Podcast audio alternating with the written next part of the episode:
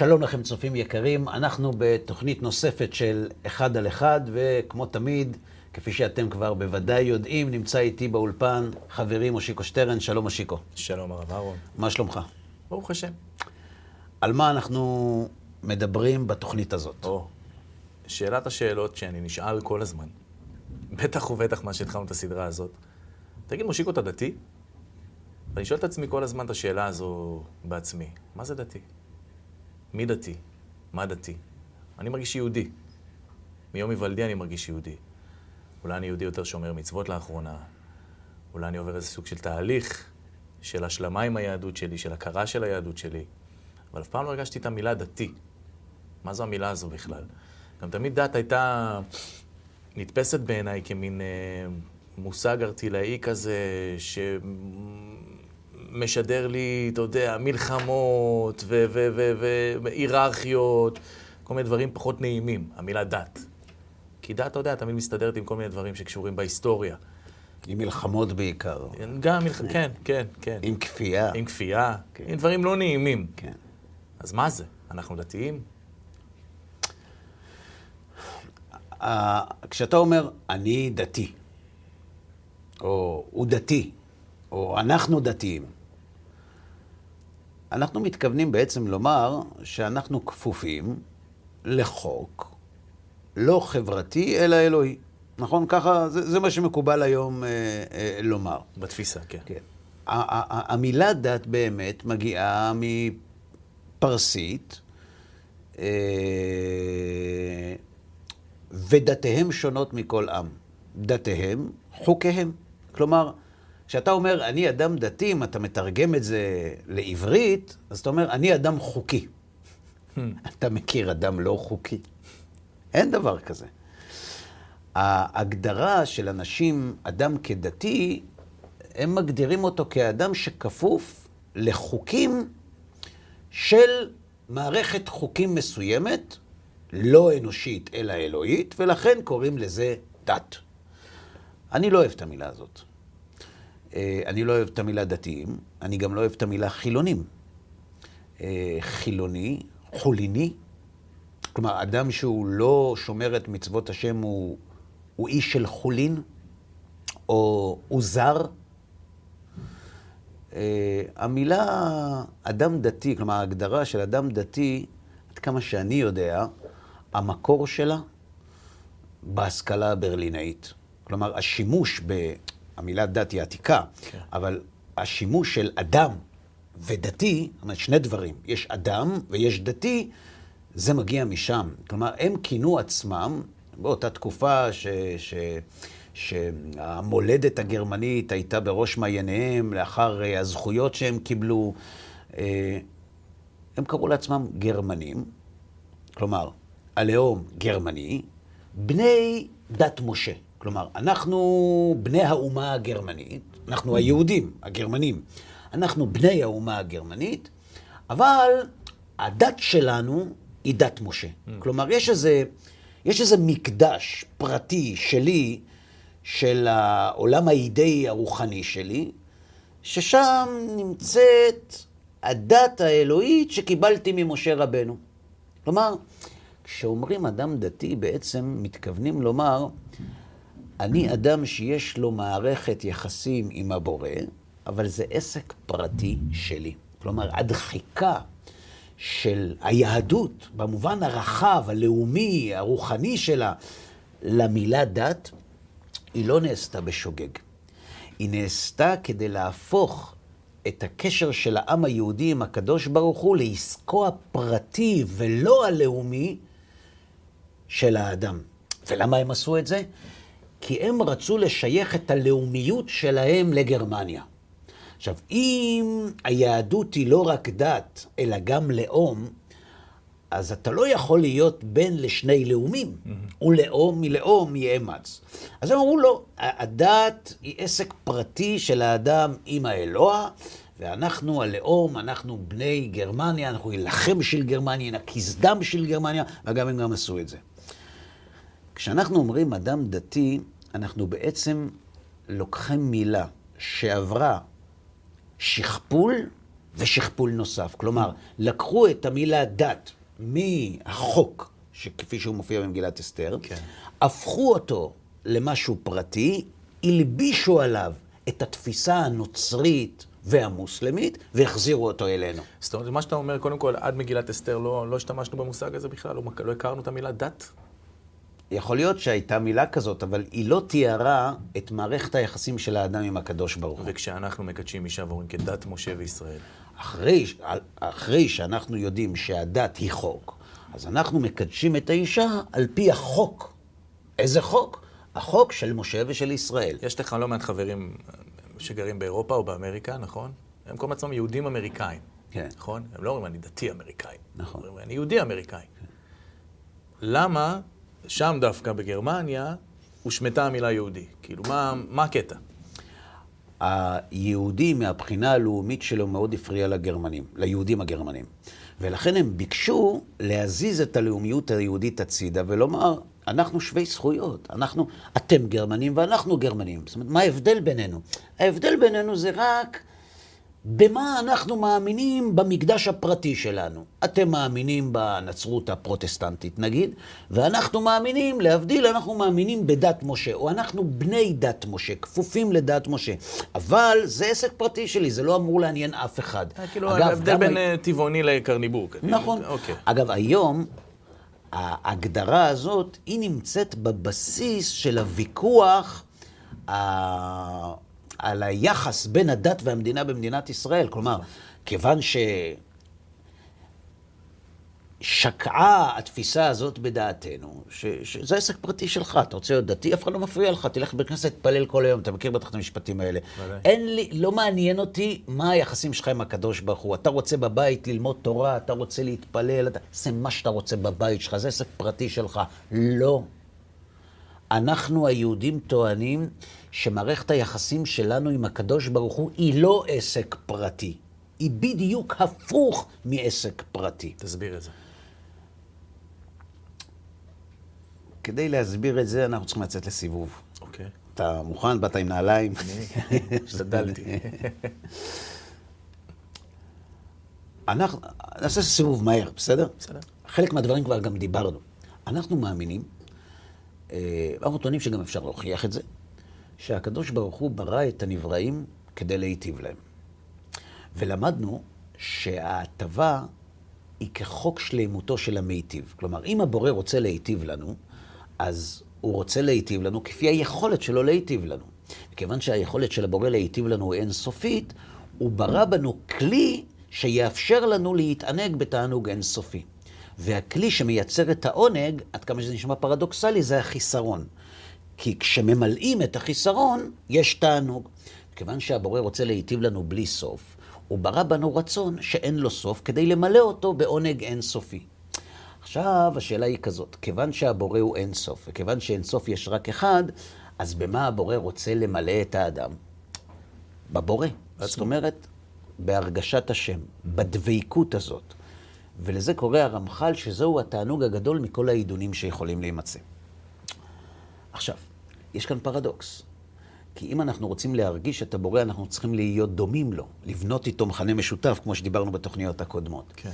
וכיוון שהבורא הוא רק נותן ואנחנו רק לוקחים, אין כאן... זה בדיוק הפוך, זאת אומרת, הוא רק נותן, אנחנו רק לוקחים. זאת אומרת, ככל שאנחנו ניקח יותר, אנחנו נהיה יותר דומים לו או פחות דומים לו. מאיפה ניקח? ניקח ממנו. כן. יותר דומים לו. אם אנחנו לוקחים, כשאני לוקח, אני מעצים את תכונת הנטילה שבי או את תכונת הנטילה? אה, ודאי את הנטילה, אוקיי. זאת אומרת, ככל שאני אקח יותר, כן. אני אתרחק יותר. אוקיי. עכשיו, להתרחק במובן הרוחני זה להרגיש פחות. אוקיי. זאת אומרת, יש כאן פרדוקס. אלוהים ברא אותי כדי שאני ארגיש אותו. אני רוצה להרגיש אותו, אבל כדי להרגיש אותו אני צריך להיות דומה לו. Mm-hmm. עכשיו, כדי להיות דומה לו, אני צריך להזיז הצידה את מה שאני, ולהעצים את מה שהוא. כלומר, לעסוק יותר בנתינה ופחות בנטילה. במילים אחרות, כאילו, מה שהוא נותן, אני צריך לסרב לו? אם אני לא אסרב, אני לא ארגיש אותו. ואם אני אסרב, אני גם לא ארגיש אותו. יש כאן פרדוקס. לגמרי. כאילו, אם אני מסרב להרגשת השם, לעונג מהרגשת השם, אני לא רוצה. אוקיי. אז אני לא מרגיש אותו. נכון. אם אני אגיד, אני כן רוצה, אז אני לוקח את ההרגשה הזאת. כשאני לוקח... אז אני מפספס אותה. אני בעצם מתרחק מהבורא ולא מתקרב אליו. כן. המקובלים מלמדים שהקדוש ברוך הוא ברא את האדם הראשון כמו שהוא ברא אותנו. גם בו וגם בנו יש רצון לקחת ורצון לתת. אלא שהאדם הראשון, הרצון שלו לקחת היה מנוון. זה נקרא שהיה לו גוף שונה משלנו. הרצון לקבל, על פי שפת המקובלים, הוא גוף. והנשמה, כלומר האור, זה כוח ההשפעה, הרצון לתת. זאת אומרת, הקדוש ברוך הוא ברא את האדם הראשון רק נותן. זאת אומרת, לא שלא היה לו רצון לקחת, הוא היה קיים, היה לו גוף, אבל אחר, מנוון. כלומר, לאדם הראשון לא הייתה תאווה לקחת. לא הייתה לו תאווה לאכול מעץ הדעת. אולי כי הוא לא היה צריך. כי הוא נברא מתוקן עם תיקוני ההשפעה הנכונים כדי שיהיה דומה לבורא. Mm-hmm. הבעיה היא שאם אדם הראשון הוא רק רוצה לתת ולא רוצה לקחת, אז איך הוא יוכל להרגיש את הבורא? כי הרי אין לו רצון לקחת, וכדי להרגיש את הבורא צריך לרצות להרגיש את הבורא. לכן המקובלים מלמדים שהקדוש ברוך הוא העמיד את אדם הראשון בניסיון שנקרא עץ הדעת, ואם הוא היה מתגבר ולא לוקח, הוא היה מגיע לגמר תיקונו, ואז בגלל ההתגברות של כוח ההשפעה שנתעצם בו, אפשר להחיות את המתים, דהיינו להחיות את הגוף המנוון שלו, את הרצון לקחת, ועכשיו כשהוא יקבל את העונג מאת הבורא, הוא לא יקבל את העונג הזה לצורך עצמו. כוח הנתינה שנתעצם בו יכריח את הרצון לקחת, לקחת כדי לעשות לתת. נחת רוח לבורא. לקחת לתת. כדי לתת. וגם בעולם שלנו מקובל שכשאתה לוקח בשביל לתת, זה לא נקרא לקחת. נכון. זאת אומרת, שאני מקבל ממך מתנה, למרות שאני לא צריך אותה, רק כדי לעשות לך נחת רוח, כי אני יודע שטרחת והלכת לחפש בשבילי מתנה, זה לא נקרא שלקחתי, זה נקרא שנתתי. זאת אומרת, אדם הראשון נברא עם רצון לקבל מנוון ועם רצון להשפיע עצום. ואם הוא היה מצליח להחזיק אותו ולא לאכול מעץ הדת, כלומר לא לקחת, הוא היה מגיע לגמר תיקונו, ואז הרצון לקחת היה מתעורר מחדש, אבל בכפוף למפקד שהוא כוח הנתינה, ואז הוא היה לוקח על מנת לתת. טוב, אנחנו כבר מבינים... זה לא קרה. אנחנו כבר מבינים שזה לא קרה, ולא רק שזה לא קרה, לא זה, קרה. זה, זה גם לדעתי, לא לדעתי, זה ככה גם כתוב, לנורא עלילה בבני אדם וכולי. כן, קרתה שם תקלה. כן. עכשיו, מי גרם לתקלה זה בכלל לא משנה. האדם הראשון, כך מבאר בעל הסולם בהקדמה לפנים מהירות, האדם הראשון רצה לאכול מעץ הדעת עם הכוונה של גמר התיקון. כלומר, הוא רצה לאכול מעץ הדעת כדי לעשות נחת רוח לבורא, שזה חשבון אמיתי. התזמון היה בעוכריו, עוד לא הגיע הזמן, ולכן הוא נכשל, והרצון לקחת נתעורר בו, ושוב הוא כבר לא יכול לשלוט עליו, ועכשיו צריך לחלק אותו לגורמים ולתקן חלקים חלקים של הרצון שזה הזה. שזה אנחנו. שזה כל בני האדם, mm-hmm. נשמות בני אדם בעולם. ואז מתחיל תהליך. כשגם מהבחינה הפרטית וגם מן הבחינה הכללית, התהליך זה. אנחנו צריכים לפתח את הרצון לקחת, לאחר מכן לצמצם אותו, לכבוש את היצר ולעסוק בהשפעה. ואז מגיע המצב של גמר התיקון, שמחזירים שוב את הרצון לקחת, אבל כשהוא כפוף לרצון לתת. עכשיו אני אשאל אותך שאלה. זה, רק שנייה, כן. זה סוד גלות מצרים. אוקיי. כלומר, התהליך מאברהם אבינו עד מתן תורה היה תהליך של, מבחינה לאומית, מבחינת הכלל, של צמצום הרצון לקחת, השעבוד, ופיתוח הרצון לתת באברהם, ביצחק, ביעקב, בשבטים ובעם ישראל שבמצרים, וכיוון שהם הגיעו למצב שיש להם את המסוגלות לעסוק בנתינה ובהשפעה ולכבוש את הרצון לקחת, הם קיבלו תורה בהר סיני. למה הם קיבלו תורה? מסיבה מאוד פשוטה, כי בעזרת התורה ובעזרת התיקון שהם עברו, יש להם אפשרות לצמצם את הרצון לקחת שמבדיל בין האדם לבורא עד למינימום, לבנות עולם חברתי שמבוסס על כוח ההשפעה, ואז העולם כולו יתוקן גם הוא ויחיה באותה צורה. כלומר, הקדוש ברוך הוא, בשונה מדתות אחרות, הקדוש ברוך הוא לא בחר בעם ישראל כדי לתת לו דת. הקדוש ברוך הוא בחר בעם ישראל בעל כורחם. לא מרובכם חשק השם בכם, כי אתם המעט מכל העמים, כי עם כשעורף הוא. הקדוש ברוך הוא בחר בעם ישראל כדי שהם ישמשו פיילוט. לתיקונו של המין האנושי. ומה, כל, כל העמים שמסביב אמורים להיות ניצבים בסרט הזה? מה קורה בזמן הזה? לאורך הזמן הזה, כך מבאר בעל הסולם במאמר מתן תורה וגם במאמר הערבות, לאורך הזמן הזה יש לאומות העולם גם תפקיד. התפקיד שלהם הוא לא לתקן את הרצון לקחת, גם לא להעצים את הרצון לתת. אלא? הם קיבלו ערכה של שימור הרצון לקחת שלא יידרדר. כי אם הוא יישאר כמות שהוא והעם היהודי יתוקן, השילוב של שני הדברים זה יכירו וידעו כל יושבי תבל, וביום ההוא יהיה השם אחד ושמו אחד. כלומר, יש כאן סדר של גורם ונמשך. עם ישראל מבצע את הניסוי, ולאחר מכן אומות העולם מצטרפים. ביהדות, אנחנו לא עובדים את הקדוש ברוך הוא כי אנחנו רוצים לקחת ממנו משהו. כי אם לא נעבוד אותו, הוא יעניש אותנו. ביהדות אין הבטחה גלויה, מפורשת, לעולם הבא. ביהדות יש דרישה מן האדם לעשות את רצון מה השם. זאת אומרת אין הבטחה גלויה מפורשת לעולם הבא? נתת פה עכשיו אמרה רצינית מאוד. אחרי מה אנחנו רצים? אני אשאל אותך שאלה, מושיקו. איפה אתה נתקל בפעם הראשונה בארון הספרים היהודי? איפה, שת, איפה, שת, איפה שתפתח. מתי אתה נתקל בפעם הראשונה בגן עדן וגיהינם, בהישארות הנפש, גמרא. בעולם הבא? איפה אתה נתקל בזה? בתורה? בגמרא. בגמרא. כלומר, עד בית שני, תקופת המשנה, אנחנו לא נתקלים בצורה מפורשת ומורחבת בכל הסוגיה הזאת של מצבה של הנשמה לאחר פטירת האדם. כן. נכון, זה לא, יש- זה לא דובר באופן... אה, נכון, יש למשל דוגמה של, של בעלת האוב, ששאול הולך להעלות את נשמתו של שמואל באוב, נכון. אבל אלה, זה, זה אגב אורחה, זאת אומרת, אין, אין פה איזה מסכת, אין, אין הרחבה. אנחנו מתחילים לדבר על זה דווקא בבית שני. השאלה היא למה. עוד שאלה אני אשאל אותך. מהו היה היצר החזק ביותר שמשך את ליבות בני ישראל בבית ראשון? עבודה זרה? עבודה זרה. לאן נעלם היצר הזה בבית שני? תוקן. תוקן? אני מניח, לא? לא יודע. אני, אני, מה שאני יודע זה מה שכתוב. כתוב שחז"ל ביטלו אותו. ב- בוטל, אוקיי. בוטל. בוטל. אגב, עוד שאלה, מושיקו. מה הייתה התכונה הבולטת בעם היהודי מבחינה רוחנית בבית ראשון, שנעדרה בבית שני? הנבואה. אה, אוקיי. נכון? אוקיי. בבית ראשון הייתה נבואה, תחילת בית שני, אבל בבית שני לא הייתה נבואה.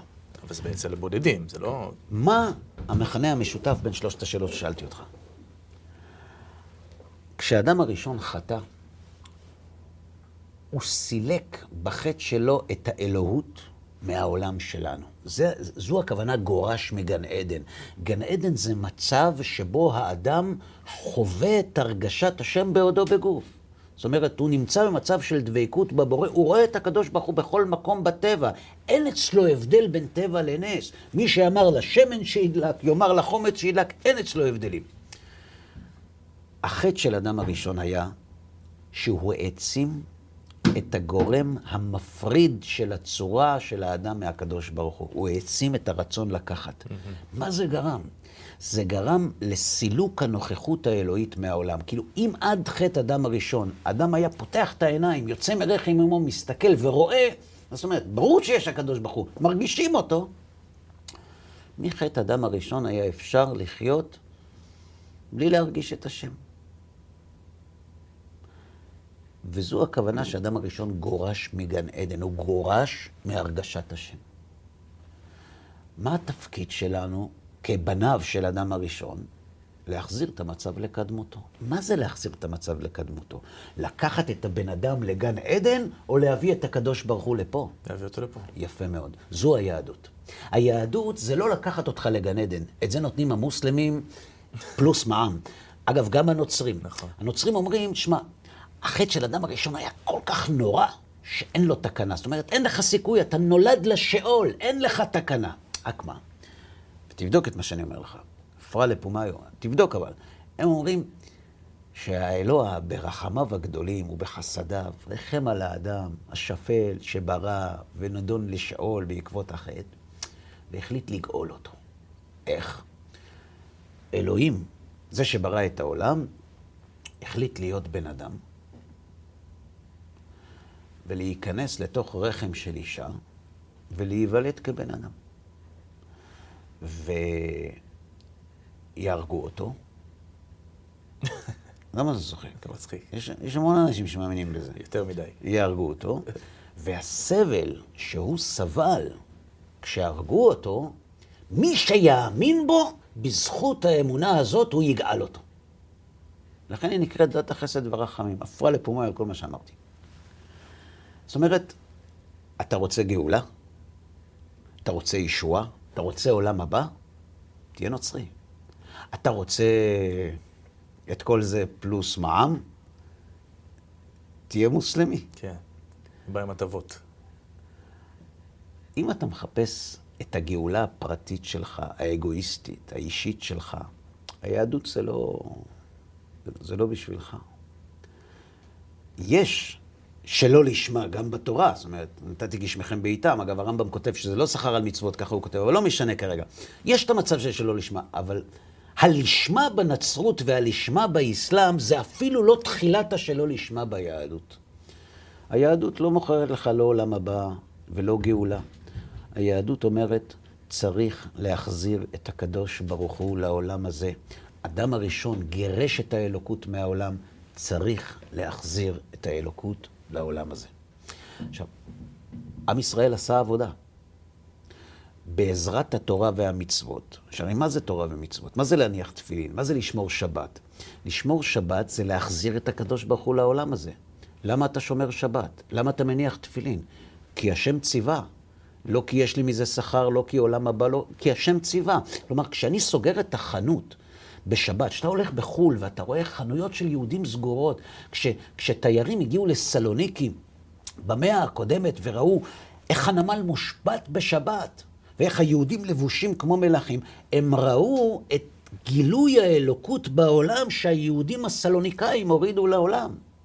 אומרת, ביהדות התפקיד שלנו זה להכניס את הקדוש ברוך הוא לעולם הזה, ולא להוציא את האדם לעולם הבא. אומרת, כשאתה אומר ככה, כי השם ציווה, זה באמת נשמע כמו ציווי של דת, שהשם ציווה, אתה עושה נקודה. ואנחנו מבינים ויודעים שההורים שלנו והורי ההורים שלנו העבירו לנו את המסורת הזאת, את השם ציווה הזה, מתוך מקום של עונג שאתה מדבר עליו, כי הם הרגישו עונג, את עונג שבת, oh. הם הרגישו את עונג הנחת מעולה, התפילין. מעולה, מעולה. זאת אומרת, אתה, אתה, אתה מעלה כאן נקודה חשובה. אתה אומר, ההורים שחינכו אותנו אמרו לנו שני דברים. הם אמרו לנו, כיף לנו, והם אמרו לנו, השם ציווה. נכון. אנחנו נשארנו בלי הכיף, ורק עם השם ציווה. סוג של. וזה דת.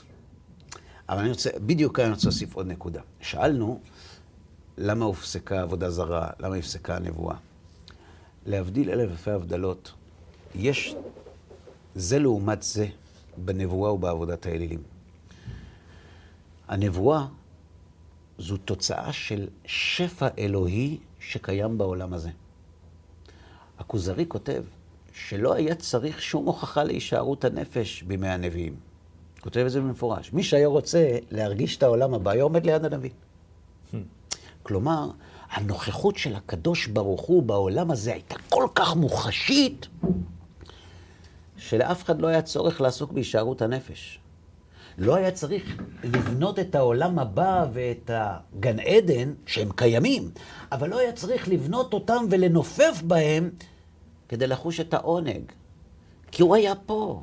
ולכן אם היית שואל מישהו בבית ראשון, מה השאיפות שלך? אז הוא אומר אה, שהקורבנות ימשיכו, שהגפן תיתן פריה, שהחיטה תצמח, זה מה שהוא היה רוצה. כן, אבל מה? זה בעל הבת, ומה עם, מה עם רוחניות, ומה עם עולם הבא? מה יש בעולם הבא שאין פה? בזמן בית ראשון לא היה צורך לעסוק בעולם הבא, כי את הדיבידנדים של העולם הבא היה אפשר לקבל גם פה. וכיוון שהנוכחות האלוהית הייתה כל כך מוחשית, הייתה גם עבודת אלילים. כנגד הנבואה. עבודת אלילים בימינו נתפסת כמעשה מאוד פרימיטיבי. נכון. אבל עבודת אלילים יש בה, יש בה משהו רוחני עמוק מאוד. עבודת אלילים זה אנשים שמשתחווים לעץ ואבן כי הם רואים בעץ ובאבן, בדומם, הם מגלים אלוקות. כן. אז למה זה עבודה זרה? כי השם אמר לא לעשות את זה. כי השם אמר לא לפנות אליו דרך אבנים. לכן זו עבודה זרה. אם אני ממשיל את זה להיום, זה כמו חוויה של סמים, לצורך העניין? יכול להיות? חוויה של סמים היא חוויה סובייקטיבית. אני מדבר על משהו אחר לגמרי. אדם היה יכול לחיות בעולם הזה ולהרגיש את נוכחותו של הבורא. וזה נסתלק עם בית ראשון. עכשיו, כשזה מסתלק, נוצר געגוע. למה? לרוחני. למה שמעבר. ולכן דווקא אז אתה מתחיל לגלות את העיסוק בהישארות הנפש, במה קורה למעלה. למה? כי זה סוג של געגוע, כי מתי שרים על אהבה? כשאין אהבה. נכון.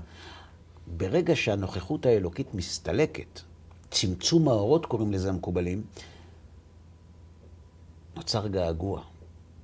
ולכן נראה, כמו שאתה אומר היום, שהקשר שלנו עם הקדוש ברוך הוא זה קשר של צווים. כי לכאורה נעלם העונג מזה שאנחנו מכניסים את הקדוש ברוך הוא לעולם הזה. וזה יכול להסביר אולי למה אנשים היום מחפשים, אולי זה לא, זה לא היצר של עבודה זרה, אבל מחפשים את, ה, את, ה, את התשובות אצל כל מיני מגלות עתידות, אצל כל מיני מתקשרים למיניהם. כאילו, יש שם איזה סוג של ניסיון לקיצור הדרך להרגשת הרוחניות, העונג הזה? אני מסכים איתך לגמרי, אני רק, אני רק אגדיר את זה במילים שלי. כיוון שאנשים מפרשים את היהדות כדת, mm-hmm.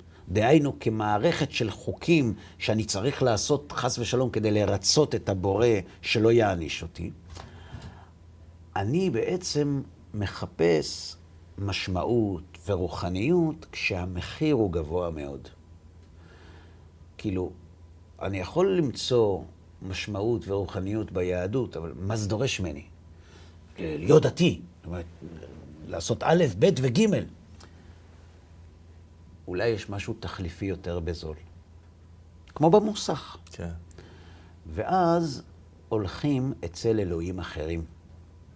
למה אלוהים אחרים, עבודת האלוהים האחרים מוגדרת בתורה כזנות? כן? וזנה אחרי אלוהי נכר הארץ אשר הוא בא שמה בקרבו. כי אתה בוגד.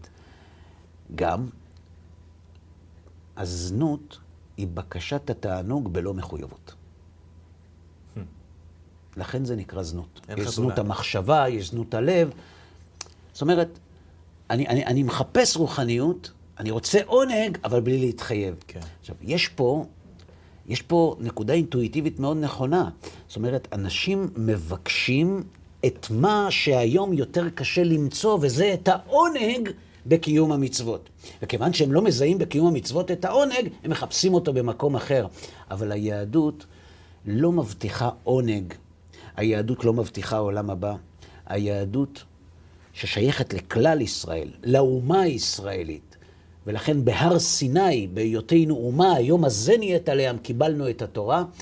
כי בהר סיני הקדוש ברוך הוא אמר לנו, מה הוא רוצה שאנחנו נעשה, מה הוא דורש מאיתנו לעשות, לא מה כדאי לנו לעשות. אנחנו שואלים אותו, ולמה אתה רוצה לעשות את זה? כי אני רוצה שנוכחותי תתגלה בעולם. אבל עדיין הוא מבטיח הבטחות, יהיה לכם טוב.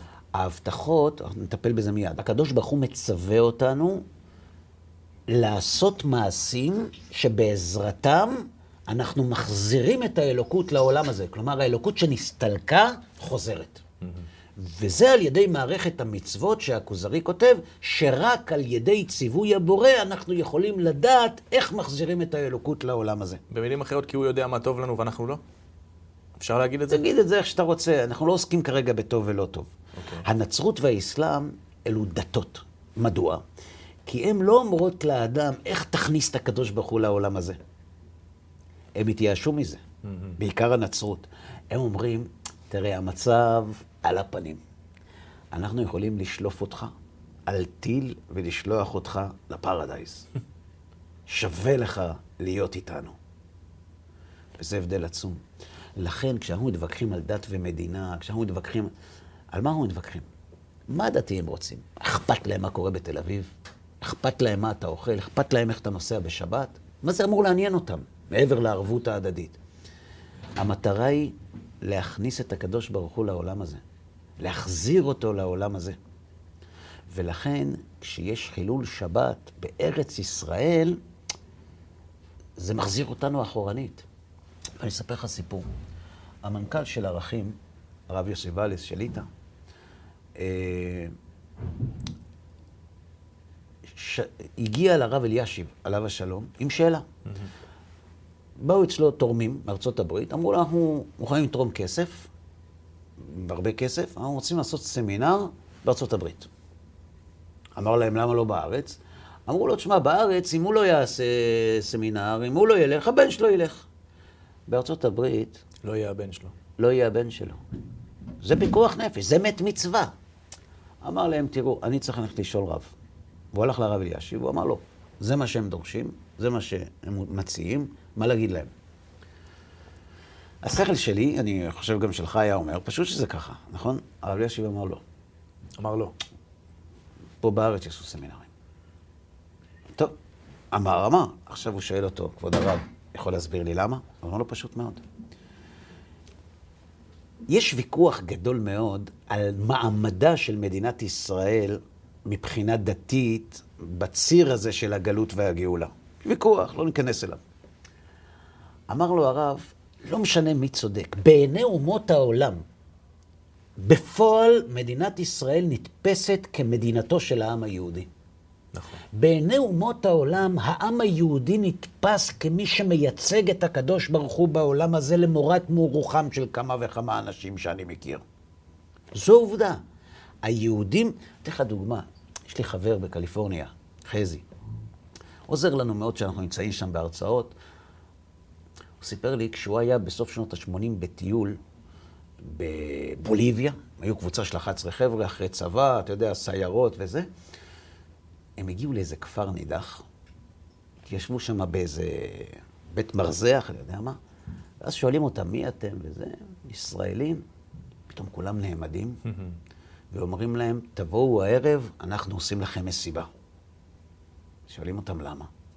אז הם אומרים להם, אתם העם של הקדוש ברוך הוא, ואתם באתם אלינו אנחנו רוצים שכל הכפר יבוא ויראה מי הם הבנים של הקדוש ברוך הוא. הוא אומר, אנחנו התגלגלנו מצחוק. הפרימיטיבים האלה. אנחנו נתפסים בעיני אומות העולם, כך אמר לו הרב, מדינת ישראל נתפסת כביתו של העם היהודי, והיהודים מייצגים בעולם את הקדוש ברוך הוא. לכן, כשיהודי מחלל שבת בארצות הברית, זה חטא. זה חטא, הוא פוגם בשלמות האומה, אבל זה חטא פרטי. כשיהודי מחלל שבת בארץ ישראל, מעבר לחילול השבת הפרטי, מצטרף כאן חטא חמור לא פחות, והוא חילול השם. ובמקום שיש חילול השם לא עושים חשבונות. לכן תגיד להם שיעשו את הסמינר פה. כלומר, הוויכוח בינינו על, על יחסי דת ומדינה, על נישואים וגירושין, על, על פתיחת חנויות בשבת, זה לא עניין שמפריע לי שאתה שומר שבת, אני רוצה לכפות את דעתי עליך. זה ההבדל העצום, זה, זה מה שאמרת, זה ההבדל העצום בין היהדות לבין דת. אם היהדות הייתה דת, אני, לא אני, כן, הוא נוצרי, מאמין, הנוצרים בשנת 1240 רצחו עשרות אלפים של מאמינים נוצרים, כי הם התווכחו על איזו אמונה. בצרפת. הלגביניסטים. ואצלנו בעם היהודי זה לא קיים. כי בנצרות הדת היא עסק פרטי. אתה יכול להיות בן האומה הזאת ודתי, נוצרי. אתה יכול להיות צרפתי נוצרי, אתה יכול להיות גרמני נוצרי, אתה יכול להיות מה שאתה רוצה. אבל היה לנו פה מקרים כאלו רק ש... רגע, רק רגע. ביהדות אין דבר כזה. מה זאת אומרת? אתה יהודי. נקודה. כלומר, אנחנו לא נלחמים כדי שהדת הפרטית שלנו תהיה השלטת, כי אנחנו רוצים שלטון. יש כאן ראייה שונה לחלוטין של מערכת היחסים בין עם ישראל לקדוש ברוך הוא. זה לא עסק פרטי. הקדוש ברוך הוא ציווה אותנו להוריד את נוכחותו לעולם, בהר סיני. ואנחנו מחויבים לזה. וכיוון שאנחנו מחויבים, זה כולנו, גם אלה שנוסעים בשבת וגם אלה שלא נוסעים בשבת. אבל כשאנחנו לא מקיימים את מצוות התורה, וזה לא משנה אם אנחנו שומרים מצוות או לא, כי גם שומרי מצוות יכולים לא לקיים את מצוות התורה. כשאנחנו לא מקיימים את מצוות התורה, אנחנו מונעים את גילוי הנוכחות האלוהית בעולם. ולכן אין כאן עניין פרטי, אלא עניין לאומי. ועל זה הוויכוח. עכשיו, באים אנשים ואומרים, כן, זו התפיסה שלך. אנחנו לא מאמינים בכל מה שאתה אומר. סיפור הזה של ההתגלות בהר סיני, סיפור... לא מאמינים בכל זה, אין בעיה. אז מושיקו, בתוכנית הבאה, אנחנו נעסוק בזה. אנחנו נשאל, מי אמר שכל מה שדיברנו עכשיו הוא אמיתי? מי אמר את זה? אולי, גם הנוצרים טוענים, גם המוסלמים נכון, מצאת הבדל. אצל הנוצרים והמוסלמים, הדת היא עסק פרטי, היא טיל שתיקח אותו לעולם הבא, וביהדות זה כללי, וזה מוריד את הקדוש ברוך הוא לעולם הזה. אוקיי, הסברת את זה, הכל בסדר. מי אמר שזה נכון? הם טוענים בביטחון לא פחות ממך שהם צודקים. אז תשובה, אני טוען שהם טועים, אני טוען שאפשר להוכיח שהם טועים, ויותר חשוב, אני טוען שאפשר להוכיח שאנחנו צודקים. נכון שזה יומרני, זה אולי נשמע גם שחצני ומתנשא, אבל מה אכפת לי? אני טוען שאפשר להוכיח את זה. ואת זה אנחנו נבדוק בעזרת השם בתוכנית הבאה. בסדר גמור. אז תודה רבה לך, מושיקו, שהיית איתי לעוד תוכנית. נהניתי לדבר איתך. תודה גם לכם, צופים יקרים, שהייתם איתנו לעוד תוכנית של אחד על אחד. אני מקווה מאוד, אנחנו מקווים שנהניתם, ונקווה להיפגש בעזרת השם בקרוב בתוכניות נוספות. כל טוב לכם.